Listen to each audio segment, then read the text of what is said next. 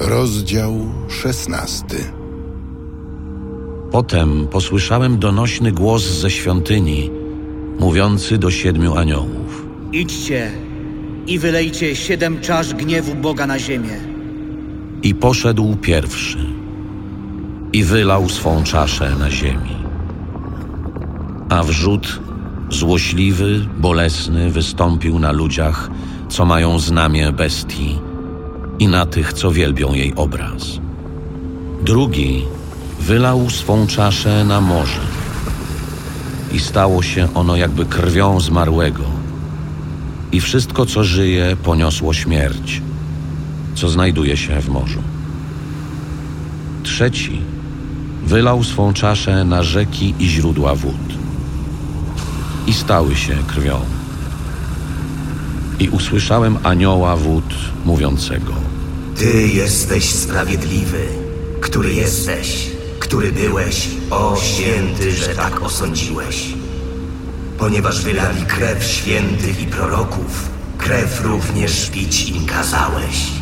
Warci są tego. I usłyszałem, jak mówił ołtarz. Tak, Panie Boże Wszechwładny, prawdziwe są Twoje wyroki i sprawiedliwe. Czwarty wylał swą czaszę na słońce i dano mu władzę dotknąć ogniem ludzi. I ludzie zostali dotknięci wielkim upałem i bluźnili imieniu Boga, który ma władzę nad tymi plagami, a nie nawrócili się, by oddać mu chwałę.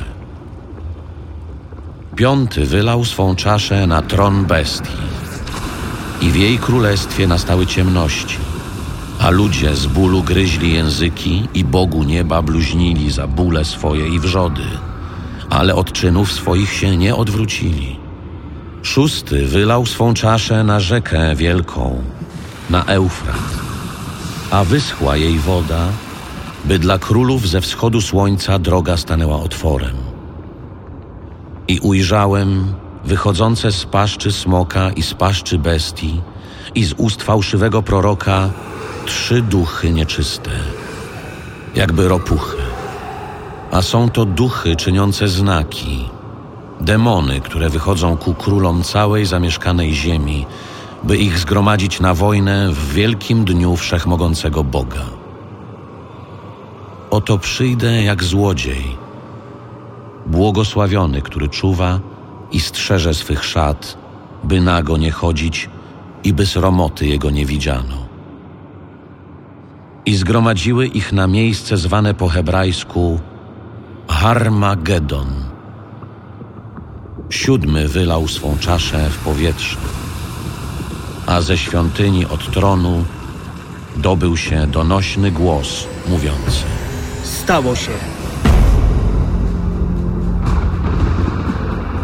I nastąpiły błyskawice i głosy, i gromy i nastało wielkie trzęsienie ziemi, jakiego nie było, odkąd jest człowiek na ziemi. Takie trzęsienie ziemi. Tak wielkie. A wielkie miasto rozpadło się na trzy części i miasta pogan runęły. I wspomniał Bóg na wielki Babilon, by mu dać kielich wina swego zapalczywego gniewu. I pierzchła wszelka wyspa, i gór już nie znaleziono. I grad ogromny o wadze niemal talentu spadł z nieba na ludzi. A ludzie Bogu bluźnili za plagę gradu, bo plaga jego była bardzo wielka.